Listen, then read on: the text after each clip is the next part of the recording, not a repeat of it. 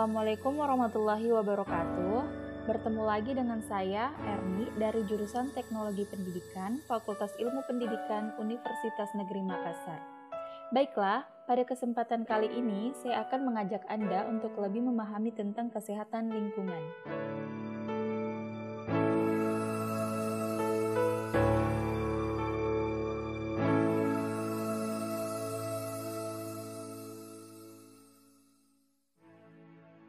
Adapun tujuan pembelajaran pada kali ini yakni kesehatan lingkungan adalah untuk mengubah perilaku masyarakat yang tidak sehat menjadi sehat. Tujuan tersebut dapat dicapai dengan anggapan bahwa manusia selalu dapat belajar dan berubah, atau pada umumnya manusia dalam hidupnya selalu berubah untuk menyesuaikan diri terhadap lingkungan sekitar. Perubahan yang terjadi dapat diinduksikan. Pendidikan kesehatan sangat diperlukan sebagai dasar untuk kegiatan dalam kesehatan masyarakat menuju masyarakat sehat jasmani, rohani, sosial, dan ekonomi.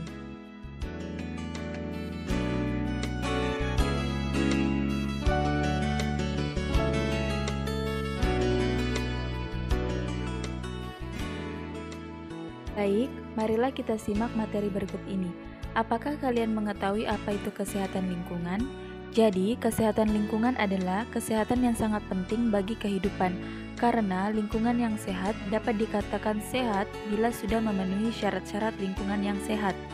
Kesehatan menurut Organisasi Kesehatan Dunia atau WHO tahun 1948 menyebutkan bahwa pengertian kesehatan adalah sebagai suatu keadaan fisik, mental, dan sosial kesejahteraan dan bukan hanya ketiadaan penyakit atau kelemahan. Kesehatan lingkungan yaitu bagian integral ilmu kesehatan masyarakat yang khusus menangani dan mempelajari hubungan manusia dengan lingkungan dalam keseimbangan ekologis. Adapun pengertian kesehatan lingkungan menurut para, para ahli yakni HAKLI atau Himpunan Ahli Kesehatan Lingkungan Indonesia. Kesehatan lingkungan ialah suatu kondisi lingkungan yang dapat menopang keseimbangan ekologi yang dinamis antara manusia dengan lingkungan untuk mendukung tercapainya kualitas hidup manusia yang sehat dan bahagia. Adapun tujuan dan ruang lingkup kesehatan lingkungan dapat dibagi menjadi dua secara umum dan secara khusus. Pertama, tujuan dan ruang lingkup kesehatan lingkungan secara umum antara lain satu melakukan koreksi atau perbaikan terhadap segala bahaya dan ancaman kesehatan dan kesejahteraan hidup manusia. 2. Melakukan usaha pencegahan dengan cara mengatur sumber-sumber lingkungan dalam upaya meningkatkan derajat kesehatan dan kesejahteraan hidup manusia. 3.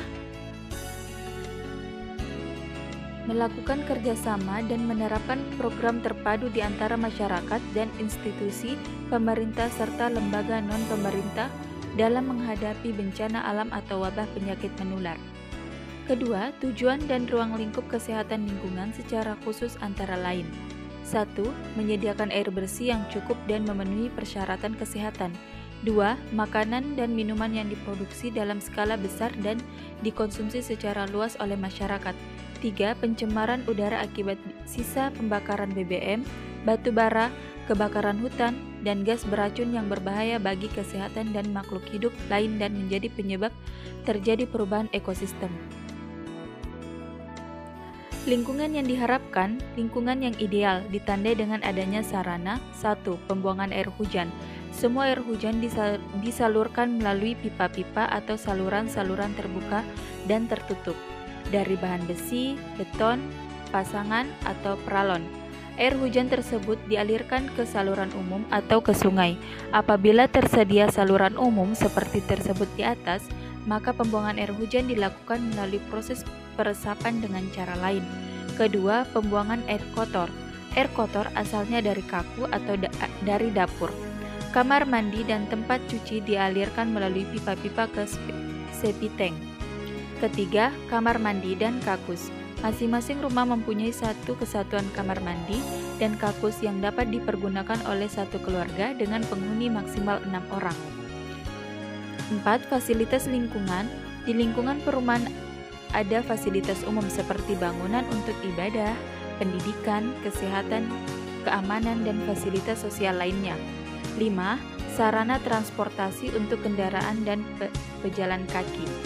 Tujuan pemeliharaan kesehatan lingkungan mengurangi pemanasan global, menjaga kebersihan lingkungan dengan lingkungan yang sehat, maka kita harus menjaga kebersihannya karena lingkungan yang sehat adalah lingkungan yang bersih dari segala penyakit dan sampah.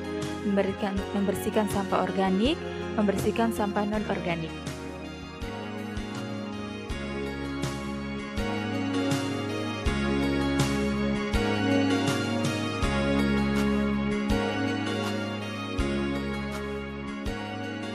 Baiklah, sampai di sini siaran kali ini.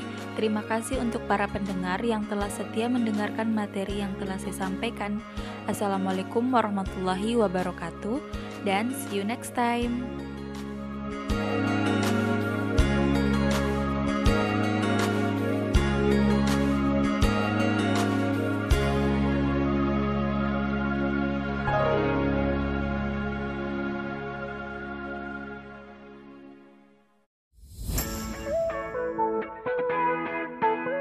Assalamualaikum warahmatullahi wabarakatuh. Bertemu lagi dengan saya Erni di siaran Radio Pendidikan FM. Siaran ini ditujukan kepada siswa-siswi sekolah menengah pertama yang akan disajikan dan dikembangkan oleh mahasiswi jurusan Teknologi Pendidikan. Selamat siang para pendengar Radio Pendidikan FM, khususnya untuk adik-adik. Siang ini kita di sini hadir untuk berbagi ilmu dengan para pendengar tentang kesehatan lingkungan di masa pandemi dalam mata pelajaran Ilmu Pengetahuan Alam. Baiklah pendengar FM, mari kita dengar penjelasan tentang kesehatan lingkungan di masa pandemi dari penyaji kita mahasiswi jurusan Kesehatan Lingkungan Universitas Hasanuddin. Halo, selamat siang semua. Berjumpa lagi dengan saya Erni, mahasiswa Teknologi Pendidikan. Di sini ada mahasiswa Kesehatan Lingkungan dan saya sendiri. Baiklah, mari kita mulai materi hari ini, yakni membahas terlebih dahulu pentingnya kesehatan lingkungan bagi kita. Baiklah, terima kasih Kak. Saya mulai saja menjawab pertanyaan dari Kakak. Jadi, kesehatan lingkungan sangat penting bagi manusia karena lingkungan yang dalam kondisi bersih serta sehat akan membuat para penghuninya nyaman dan kesehatan tubuhnya akan terjaga dengan baik. Mengapa kesehatan lingkungan harus tetap dijaga? Tentunya agar keluarga kita terhindar dari penyakit, karena kesehatan tidak ternilai harganya. Terkadang pada saat kita sehat, kita lupa akan nikmat tersebut dan ketika sakit, kita baru sadar dan merasakan betapa kesehatan itu sungguh sangat berharga. Oke, jadi itu pemahaman seputar lingkungan kesehatan. Lalu bagaimana pendapat kakak mengenai wabah COVID-19 ini? Menurut saya, wabah COVID-19 ini sangat berbahaya karena coronavirus adalah kumpulan virus yang bisa menginfeksi sistem pernapasan. Virus ini hanya menyebabkan infeksi pernapasan ringan seperti flu. Akan tetapi, virus ini juga bisa menyebabkan infeksi pernapasan berat seperti infeksi paru-paru. Virus ini menular melalui percikan dahak dari saluran pernapasan, misalnya ketika berada di ruang tertutup yang ramai dengan sirkulasi udara yang kurang baik atau kontak langsung dengan droplet. Jika dilihat dari presentase angka kematian yang dibagi menurut golongan usia, maka kelompok usia 46 sampai 59 tahun memiliki persentase angka kematian yang lebih tinggi dibandingkan golongan usia lainnya. Kalau begitu, wabah COVID-19 ini merupakan wabah yang cukup berbahaya ya, Kak? Iya, betul sekali. Bahkan resiko paling tinggi yang disebabkan wabah ini yaitu angka kematian yang semakin melambung tinggi. Kalau begitu, boleh kakak berbagi pengetahuan kepada para pendengar di rumah tentang bagaimana dan apa gejala yang ditimbulkan ketika seseorang terjangkit penyakit virus COVID-19 ini? Gejala awal infeksi virus corona atau COVID-19 ini bisa menyerupai gejala flu, yaitu demam, pilek, batuk ringan, sakit tenggorokan, dan sakit kepala. Setelah itu, gejala dapat hilang dan sembuh atau malah memperberat. Penderita dengan gejala yang berat bisa mengalami demam tinggi, batuk berdahak, bahkan berdarah, sesak nafas, dan nyeri dada. Gejala tersebut muncul ketika tubuh bereaksi melawan virus corona.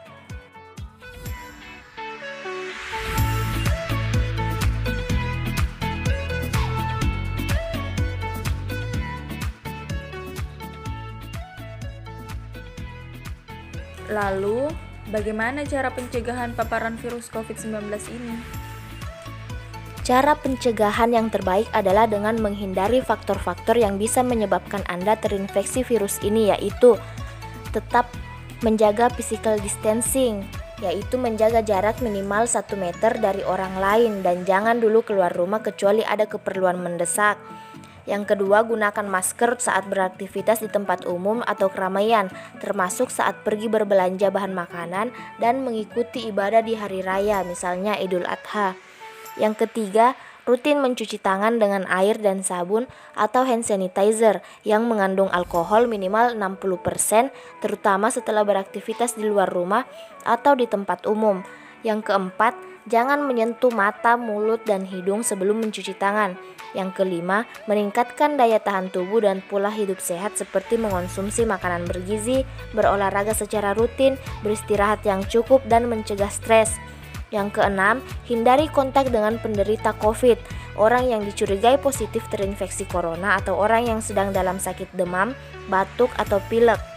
Yang ketujuh, tutup mulut dan hidung dengan tisu saat batuk atau bersin. Kemudian buang tisu ke tempat sampah. Yang kedelapan, jaga kebersihan benda yang sering disentuh dan kebersihan lingkungan, termasuk kebersihan rumah. Jadi itu tadi informasi yang telah disajikan oleh kakak penyaji kita hari ini dan tentunya informasi tersebut sangat penting dan harusnya wajib kita taati tentang bagaimana menjaga kesehatan diri maupun lingkungan dan sebisa mungkin mengikuti protokol kesehatan agar terhindar dari paparan virus COVID-19 ini.